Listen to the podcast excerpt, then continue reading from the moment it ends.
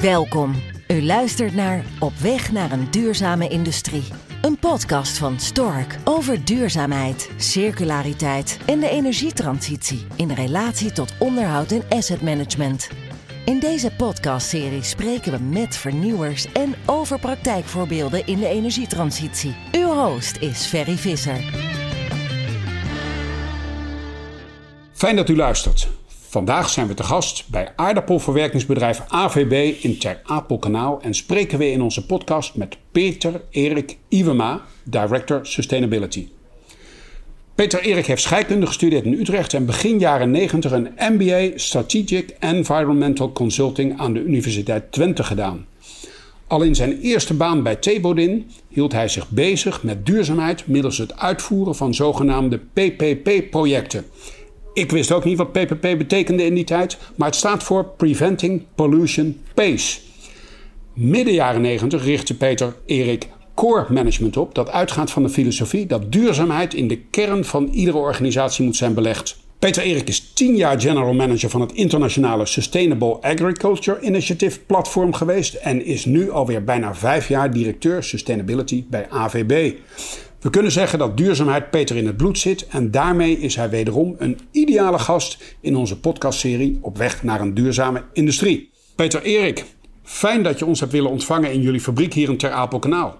Jullie doen hier veel, maar de hoofdzaak is toch het verwerken van aardappels tot zetmeel en eiwit. Vanwaar jouw passie voor de combinatie van duurzaamheid en agri-food. Nou, dank voor dit uh, ronkende introductie. Daar word je zelf helemaal verlegen van als je dat hoort. Maar het, het, het, is, zijn de feiten. Ja, dat is waar. Ja, ja, ja, ja. En ik moet ook vaak jonge mensen inderdaad uitleggen dat PPP heel lang geleden iets anders betekende dan het nu betekent. Dus ja, het is wel grappig dat je dat aanhaalt. Ja. Uh, duurzaamheid en, en food agri. Ja, Eigenlijk komt het uh, vanuit uh, een beetje mijn eerste baan bij Thebodin en ook wel uh, daarna bij IMSA, Instituut voor Milieu- en Systeemanalyse. Mm -hmm. Dat ik me met levenscyclusanalyse bezig mocht houden in de jaren negentig. En daar ontdekten we onder andere, het ging eigenlijk toen over de verpakkingendiscussie die we in de jaren negentig hadden. Ja. En de iconische strijd tussen, als je voor het milieu was, dan kocht je een melkfles en dan ging je daarmee lopen zeulen. En die bracht je terug en die werd schoongemaakt en alles wat er omheen zat. En als je voor het gemak was, dan kocht je een, uh, een uh, melkpak. En dat was een gruwel voor de milieubeweging. En dat was een soort moderniteit toen. Ja, maar dat was een gruwel ja. voor, de, voor, de, voor de milieubeweging. En het was een soort uh, emotionele strijd waar niemand uitkwam. En daar heeft de LCA, de levenscyclusanalyse, een enorm goede rol in gespeeld om gewoon de feiten erbij te halen. en dat kwam voor iedereen eigenlijk tot een veel genuanceerder beeld van, van die kwestie. Maar een van de, de vier ontwerpen die we bij een melkfles daar uh, uh, zagen, een melkflesverpakking, was de, die, die veruit het beste uit de bus kwam, was de zogenaamde polyethyleenzak. Misschien dat je het ook nog Ik kan me zo herinneren. Ja, sommige ja, mensen kunnen het herinneren. Ja, zeker. Het was een plastic zak voor degenen die zich niet kunnen herinneren, van ongeveer een liter, uh, die helemaal dicht zat. En die kon je loskopen en die zet je aan een kan, dan knipte je het tuitje eraf en zo kon je je melk gebruiken. Nou, die was het meest milieuvriendelijk. Totdat iemand zei van, uh, is er wel iemand die in de gaten heeft gehouden hoeveel, hoe, hoeveel van die zakken lekken. Dus die kwamen op een pallet aan. En toen bleek dat geloof ik 2 of 3 procent van die zakken uh, lekte. En toen zeiden we, ja, dan moet je eigenlijk ook wel die gemorste melk meenemen als je, die, als je een eerlijke vergelijking van die verpakkingen maakt. Zeker. En toen bleek de impact van die paar liter melk vele malen die verpakkingen uh, winst te overtreffen. Dus dat was het einde van die poly polyethyleenzak. Ja, want die zakken zijn er niet heel lang zijn er geweest. ook niet meer. Nee, nee, zijn er niet nee, lang geweest. Nee. Oh, mo mooi voorbeeld. Dat je inderdaad wel echt alle aspecten mee moet nemen daar. Ja, en dat bracht me eigenlijk bij de keten en bij food. Uh, Oké, okay, da daarmee kwam jij in voet terecht. En, en vanuit jouw passie voor duurzaamheid, en dat, dat zat er al heel jong in, was, Ja, die, ik- was die combinatie ik, eh, snel gemaakt. Ja, ik, bij ons thuis stond het boekje van de Club van Rome, uh, wat, wat, wat net vertaald was. Grenzen aan de groei in 1972 geloof ik was dat of zo. Ik was nog, uh, nog maar tien, maar, en ik heb het toen niet gelezen, maar het was wel Maar iets wat ook al speelde. Ja, ja, ja, ja, het, het was onderwerp van gesprek. ja. En daarmee is dat uiteindelijk bij jou een zaadje geworden wat, eh, nou ja, wat, wat eh, gegroeid is. Ja. Ik vond scheikunde leuk en ik vond eh, natuur mooi en kwetsbaar. En, Ja. Eh, ik dacht, eh, als je daar iets mee wil doen, dan moet je, scheikunde, eh, moet je iets van, het, van scheikunde snappen om daar ook iets aan te kunnen doen. Het, het ging toen vooral over vervuiling. Hè. Het ging over Ja. bodemverontreiniging, vervuiling in Lekkerkerk. Het ging over Ja, luchtverontreiniging, van waterverontreiniging en dat soort zaken. Eigenlijk de hele klimaat- en CO2-discussie was er Was nog er lang niet. niet. Nee, was er nee. nog lang niet. Het woord duurzaamheid bestond trouwens ook niet. hè. Nee. toen nog niet. Dat is, dat is een begrip wat veel later gekomen is. Eh, heb jij dat op je netvlies wanneer dat zijn intrede deed? Ja, absoluut. Heel precies. Uh, de Brundtland-commissie in 87 die heeft dat uh, woord, het, het, begrip sustainability gecoind. Ja. En helaas is dat in het Nederlands is dat verworden tot duurzaamheid. En wat, wat in, in het Nederlands, dat heb ik ook vaak gezegd, de connotatie duur heeft. En dat vind ik eigenlijk zo'n gemiste kans. Sustainability heeft iets heel moois. En dat zit meer in de, in de sfeer van volhoudbaarheid. Iets wat kan sustainen. Ja. Uh, maar duurzaamheid heeft uh, heel vaak... moet het afleggen tegen mensen zeggen van... ja, dat kost allemaal veel te veel geld. Dat gaan we niet doen. Ja. Ja. Uh, en, dus ik heb het ook vaak als volhoudbaar vertaald. Ja, sustainability. De, puur die terminologie die zorgt al voor die mindset. Ja. En op jullie website lees ik dat de 17 Sustainable Development Goals uh, dat, uh, van de Verenigde Naties, dat, dat, is ook jullie ontwikkelingsagenda richting 2030. Ja. En dat vond ik wel heel mooi om te lezen. Uh, betekent dat dat ze ook alle 17 door jullie omarmd worden? Of, of, of hebben jullie een selectie daaruit gemaakt? Nou, uh, alle 17 omarmen we wel, uh, maar dat is een beetje, misschien een beetje lipservice. Want je, als, je, als je eerlijk bent, uh, heb je met een heleboel niks, niks te maken eigenlijk. Ja, maar we hebben er acht die heel, heel specifiek, waar wij van zeggen van hey, daar hebben we impact op, positief of negatief. En als die negatief is, is dat een onderwerp van onze strategie om daar iets aan te doen. Maar als we dan naar die, naar die acht Sustainable Development Goals kijken, Kun je iets zeggen over hoe ver jullie zijn? Want 2030, het is jullie ontwikkelingsagenda richting 2030. Um, ehm, ja, ten eerste zegt dat nog niet alles over wat je dan bereikt wil hebben. Maar zou je wat kunnen zeggen over hoe ver jullie zijn als dat de richting bepaalt? Nou, de, de meest voor de hand liggende is natuurlijk klimaat en, uh, en CO2, waar, we, waar we echt een hele grote uh, effort willen plegen. En ook gepleegd hebben. We hebben de afgelopen jaren hebben een vijfjaren strategie gehad uh, voor heel AVB. Uh, en ik zeg altijd dat is een duurzaamheidsstrategie geweest. Ik trek het een klein beetje meer naar me toe, want het ging eigenlijk kon je alle strategische programma's wel uh, een duurzaamheidscomponent in ontwaren. Dat was ook de start van mij binnen AVB en, en de rol van duurzaamheidsdirecteur die is nieuw. Ja. Dus ik mocht me ik, overal mee bemoeien. Ik werd ook gevraagd om me overal mee te bemoeien. Dus dat, uh, dat een beetje richting dat core management, hè? Ja, moet in het centrum van de organisatie zitten. Ja, ja, ja. ja, nee, geweldig dat, is, dat, je dat hier ook, dat je die ruimte hebt gekregen. Ja. Nee, dat Is, dat, dat, zo voelt het ook wel. Ik vond het echt een, het voelde als, een, als heel erg welkom. Uh, en wat vooral ook leuk was, is dat, dat hier een heleboel zeg maar, technologen en ingenieurs bezig waren met, met, met allerlei duurzaamheidsprojecten. Maar eigenlijk door hun houding of door, de, door de, misschien de cultuur een beetje in dit, in, dit, in dit gebied, eigenlijk nooit de credits daarvoor kregen. Het waren allemaal een beetje losse uh, projectjes. Ja.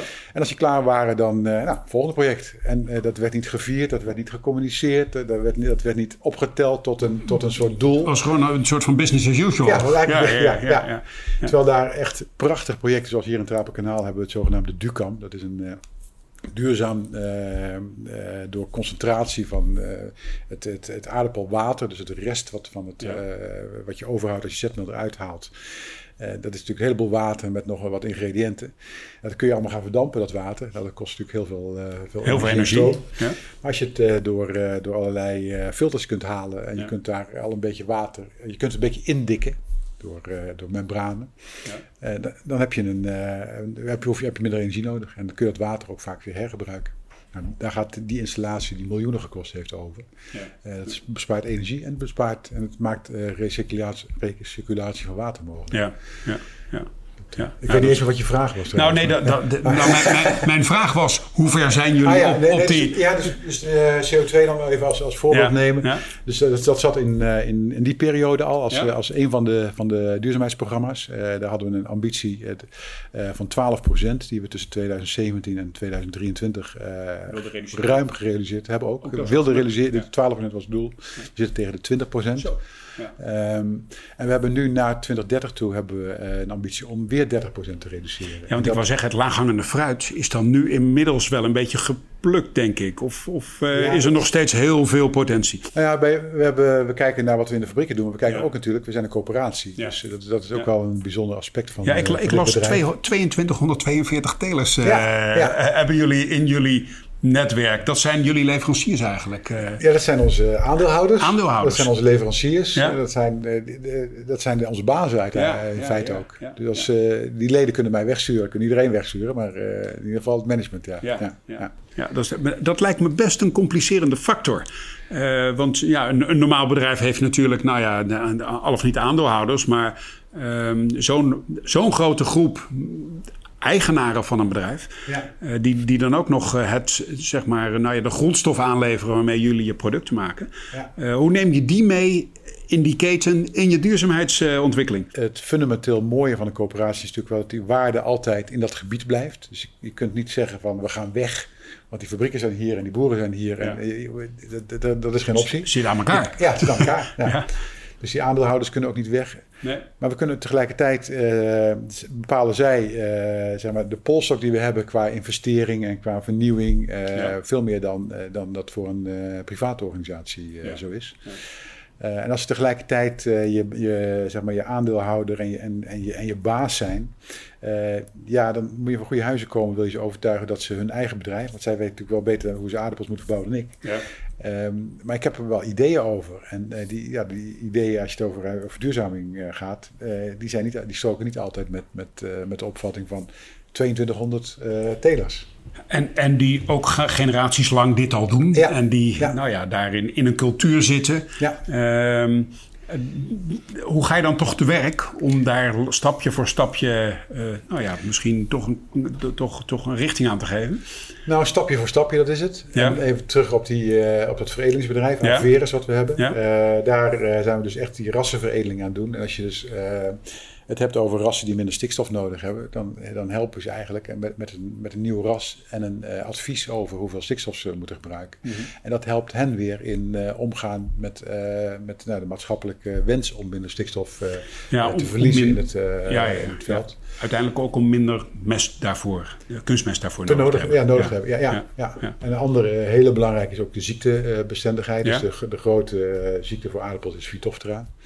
Uh, dat betekent eigenlijk dat, dat een, uh, in de reguliere teelt, en dat kan bij uh, de meeste aardappels bijna niet anders, je hebt al wat biologische aardappels, maar als je, je hebt altijd met vochtig weer heb je met Phytophthora te maken. Ja, Het kan bij aardappels eigenlijk niet anders. Dan moet je tegen spuiten en dat moet je ook best wel vaak doen. Ja. maar er zijn nu ook Phytophthora-resistente rassen. Nou, als je dan ziet dat je misschien wel tien keer minder in het seizoen met de trekker het land in hoeft, dan bespaar je die bespuiting. Maar je bespaart ook heel veel diesel. Ja, absoluut. Ja. Dus je, je carbon footprint van je teelt neemt die gaat echt, aanzienlijk mee af. Ja, daarmee zeg je eigenlijk die, die, ver, die veredeling en die continue ontwikkeling in, dat, in, die, in die zaadproductie is heel belangrijk voor AVB. Ja, ja, en, en ook voor al die telers, want die krijgen dat uiteindelijk aangereikt van jullie om daar hun gewas mee te, mee, mee, te, mee te groeien. Ja. Ja, en zo zie je ook de afgelopen twintig jaar dat, er, dat de, de, de stikstofbehoefte van, van zetmeelaardappels die is echt drastisch afgenomen. De, de, resistentie van, van rassen is enorm toegenomen. Ja, ja. Um, en uh, en dat, dat heeft allemaal uh, positieve impact op. Uh, en als grote corporatie kan je dat ook doen. Ja. Dat is dan het grote verschil. Ja. Um, ik, ik steef naar de klok te kijken en de tijd gaat heel hard. Ik wil nog even naar jullie eigen energieverbruik. En jij gaf ook al aan waterverbruik. Dat zijn twee, twee nou ja, zaken die, waarvan jullie heel veel gebruiken. Ja. Um, we willen dat dat minder wordt. Ja. ook daar hebben jullie uh, zeg maar ambities en, en, en, en, een roadmap of een plan waar jullie mee bezig zijn. Zou je daar iets over kunnen vertellen? Ja, we hebben, dus, dat zijn, we hebben voor de operaties voor onze fabriek hebben we vier grote programma's lopen. Eén op uh, CO2-energie, één op water, één op uh, wat we tegenwoordig circulariteit noemen. In de vorige periode heette dat nog afval. Ja. Uh, dat geeft een nieuwe mindset aan die we daarbij bij hebben. En de vierde gaat wat, over wat we green production noemen. Dus eigenlijk de, de, recepten en de manier van opereren in de fabriek om die te verduurzamen. Good housekeeping-achtige dingen, verbeterde recepten. Eh, we komen nog van een tijd dat, dat water helemaal gratis was zo'n beetje en dat energie ook niet veel kostte. Nee. Uh, dus eh, dit zijn twee, uh, niet alleen duurzaamheidsfactoren, maar ook kostenfactoren. Dus ik, daar hebben we ook een beetje de wind mee. Dat scheelt, eigenlijk scheelt dat wel. Maar dat heeft wel een leuk gevolg gehad dat we in al onze zes fabrieken teams bij elkaar geroepen hebben. En iedereen kon meedoen. En die zaten aan zo'n tafel met, soms met twintig man en een paar pizzadozen. Ja. En kom eens met ideeën over energiebesparing. Ja. En, want we, we begonnen met koerinleiding van dat we vroeger uh, zoveel aan energie verbruikten. de kosten voor energie zoveel waren en die, die waren inmiddels ver, verachtvoudigd of zo. Echt, echt even natuurlijk dramatisch afgelopen, afgelopen winter. dus iedereen was ook van de noodzaak doordrongen om daar iets aan te doen. En er kwamen echt verschrikkelijk uh, mooie lijsten uit. Elke fabriek die had uh, binnen no time in een, een, ochtend brainstormen hadden ze honderd ideeën. Waarvan je er misschien uh, een kwart op een gegeven moment kan weggooien van of die zijn niet materieel of ze zijn niet haalbaar of allerlei ja. redenen. Ja, maar dan blijft er toch nog 75 over. Blijft er ja. over wat je, wat je eigenlijk allemaal kan uitvoeren. Wat allemaal payback tijden heeft van, uh, van uh, een half jaar tot, uh, tot twee jaar. Dat is prachtig. Ja. Ja. Mooi dat dat van onderuit, ja, onderuit de organisatie komt. Dat vond ik ook het leuke. Ja, ja, geweldig. Dat, werkt, dat werkt heel goed. Ja, je, je hebt al eerder aangegeven dat jullie niet alleen maar zetmeel maken, maar ook eiwit maken. Een hele, hele belangrijke grondstof kan ik me voorstellen voor allerlei andere productieprocessen. Um, ook daar zitten kennelijk duurzaamheidsaspecten aan. Daar heb je vast wat over te vertellen. Ja. Breek me de bek niet los, zou ik zeggen. Nee, maar dat is een fantastisch verhaal. onder andere een van de verhalen die mij uh, getriggerd heeft om, om, om deze baan ook uh, te nemen. Ja, ja. Uh, zetmeel werd, wordt al honderden jaren gemaakt en, en al honderdje jaren door AVB. Ja. En tot zeg maar halfwege de 70 jaren alles wat niet zetmeel was, dus zoals aardappel, water, ja. werd in het kanaal gedumpt. En dat mocht toen ook. Maar er zit ook nog uh, 1, 2 procent eiwit in. En als je uh, water met 1, 2 procent eiwit in, uh, in een kanaal uit een pijp laat drinken, dan weet je wat er gebeurt. Ja. Er stond hier 4 meter hoog schuim. Ja, ja, ja. ja. Rottend eiwitschuim uh, op de kanalen. En dat, dat hoorde gewoon bij vier maanden campagne. Want iedereen die werkte hier bij AVB, ja. of iedereen was boer. Dus ja, dat, dat was gewoon werd het, lot. werd geaccepteerd. Dat was helemaal geen, geen, geen punt. Totdat het niet meer mocht, werd verontreiniging opgevlakte water, waterzuiveringen. Uh, toen werd het eiwit eruit gehaald om veevoer van te maken en bij te mengen. Dat was natuurlijk ook fantastisch. Toen werd het al circulair en werd het, werd het opeens iets wat afval was gebruikt. Ja. Maar nog mooier is dat het nu voor een groot deel gebruikt wordt voor uh, de hele eiwittransitie en voor humane voeding. En aardappeleiwit blijkt eigenlijk een van de eiwitten te zijn die dichtst bij de dierlijke eiwitten uh, komt. En, dus in nutritionele waarde ook een hele belangrijke positie inneemt in de plantaardige eiwitten. Dus van een afval ja. naar een van de meest hoogwaardige eh, functionele eiwitten. Dus daarmee kan je ook uh, de hamburgers aan elkaar plakken en je kan het in, in, in, in zuivel kan je toepassen. Um, is, het, is het geëvolueerd van, van afval naar een, een high eh, profile protein. Product. Ja, ja, ja. ja, ja. ja. En dat, uh, dus niet alleen in onze eigen productie, maar ook we, we maken dat onze klanten uh, producten met een lage footprint kunnen maken.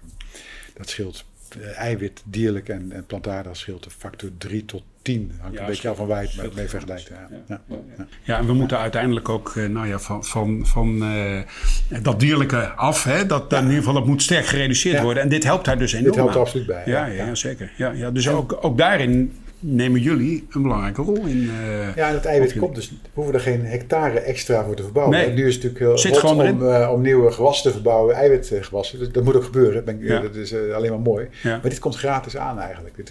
Er is geen hectare extra voor nodig. Ik vind het een prachtig voorbeeld waar, waar, waarbij ook weer nou ja, het onderwerp circulariteit echt he, het heel hoog staat. Hè? Ja, ja. de maximale waarde halen uit die grondstoffen om, om toe te passen. We kunnen hier nog heel veel langer over praten. Uh, je hebt een aantal voorbeelden genoemd van wat, van wat jullie allemaal doen en de stappen die jullie zetten en hoe het, personeel er ook echt bij betrokken is. Uh, ik, ik, denk dat we eigenlijk al aan het punt gekomen zijn dat ik jou moet gaan vragen welk advies jij nou aan luisteraars van deze podcast zou kunnen geven. Uh, om ook zelf met zaken aan de slag te gaan en ook eh, nou ja, goede, goede, goede uh, activiteiten te kunnen ondernemen. Want dat is het doel van de podcast: hè? kennis delen en goede nou ja, praktijkvoorbeelden met elkaar delen en kijken wat je, daar, uh, wat je daarmee kan. Heb jij iets waarvan je zegt van nou, denk daaraan of ga daarmee aan de slag? Uh, en dat is in de breedte, hè, want de industrie is heel breed. Ja. En het ja. eerste wat met de binnenschiet is eigenlijk uit mijn vorige baan. Ik heb, ik heb tien jaar lang uh, Site Platform gedaan, Sustainable Agriculture Initiative. Ja.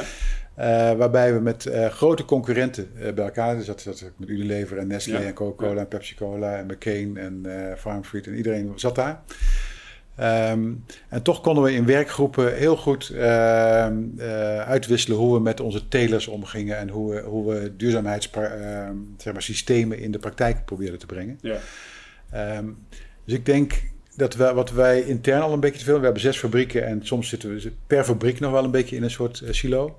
Uh, maar ik denk dat we nog steeds veel van elkaar kunnen leren. Dat wij kunnen leren van hoe, uh, hoe het misschien niet in, de, in een zetmeel, maar in een aanpalende industrie gaat. Want in de hele levensmiddelenindustrie heb je natuurlijk te maken met uh, iets wat nat is, moet gedroogd worden. Ja. Of iets wat uh, uh, moet iets gefilterd worden. Of ja. er moet iets. er zijn veel energie-intensieve processen. Ja, en, en, en, vergelijkbare processen, denk ik ook. En hoe we dat doen en hoe we dat ontwikkelen. Een mooi voorbeeld is Fascinating, waar we samen met, met een aantal andere bedrijven in zitten. Zoals andere coöperaties ook, zoals Cozen, oh, okay. Friesland Campina, Agifirm, maar ook Rabobank zit erin. Ja. Uh, en daar hebben we onder andere een van de, de, We hebben allemaal met sproeidrogers te maken. Nou, iets energie-intensiever dan een sproeidroger kan je bijna niet. Uh, maar er, er, bestaat nu een, een technologie die, uh, die een soort TRL-level volgens mij 6 of 7 heeft. Ja. met een zeolietwiel waarbij je warmte kan terugwinnen uit die droger. En wat, wat de potentie heeft volgens mij van, van 30, 40 procent energiereductie voor elke sproeidroger. Ja ik ben altijd verbaasd dat, dat dat niet veel sneller gaat. Want de, de hele wereld heeft sproeidrogers uh, als het over uh, de levensmiddelenindustrie gaat. Ja. Uh, daar, daar, moet, daar is zoveel winst te halen dat, dat, dat, dat partijen die dat soort apparaten ontwikkelen, dat niet, niet full swing oppakken en gebruiken. ik, maar misschien mis ik iets. Ja, nou ja, misschien moeten de partijen die die apparaten gebruiken druk zetten op de partijen die ze ontwikkelen. Uh, dat is wat we doen met Fascinating. Ja, ja, da daar, daar is Fascinating voor. en dat zijn ook coöperatie of coöperatieve organisaties waarmee jullie eh, in, in een platform zitten. Ja. Dus eigenlijk zeg jij, mijn advies is. Samenwerken. Um, samenwerken. Ja, krachten bundelen. Ja. Ik zou zeggen aan onze luisteraars: neem dit advies ter harte.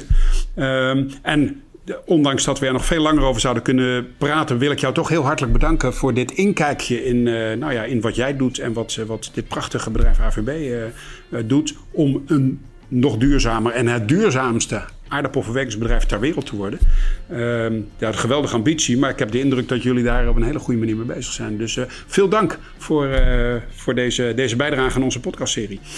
Dank voor de uitnodiging. Ja, en u luisteraars ook bedankt voor het luisteren hiernaar. En uh, wij gaan aan de slag met de volgende editie.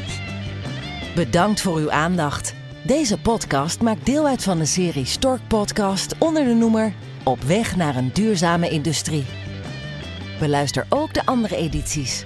Meer informatie en alle andere podcasts vindt u op stork.com/podcast.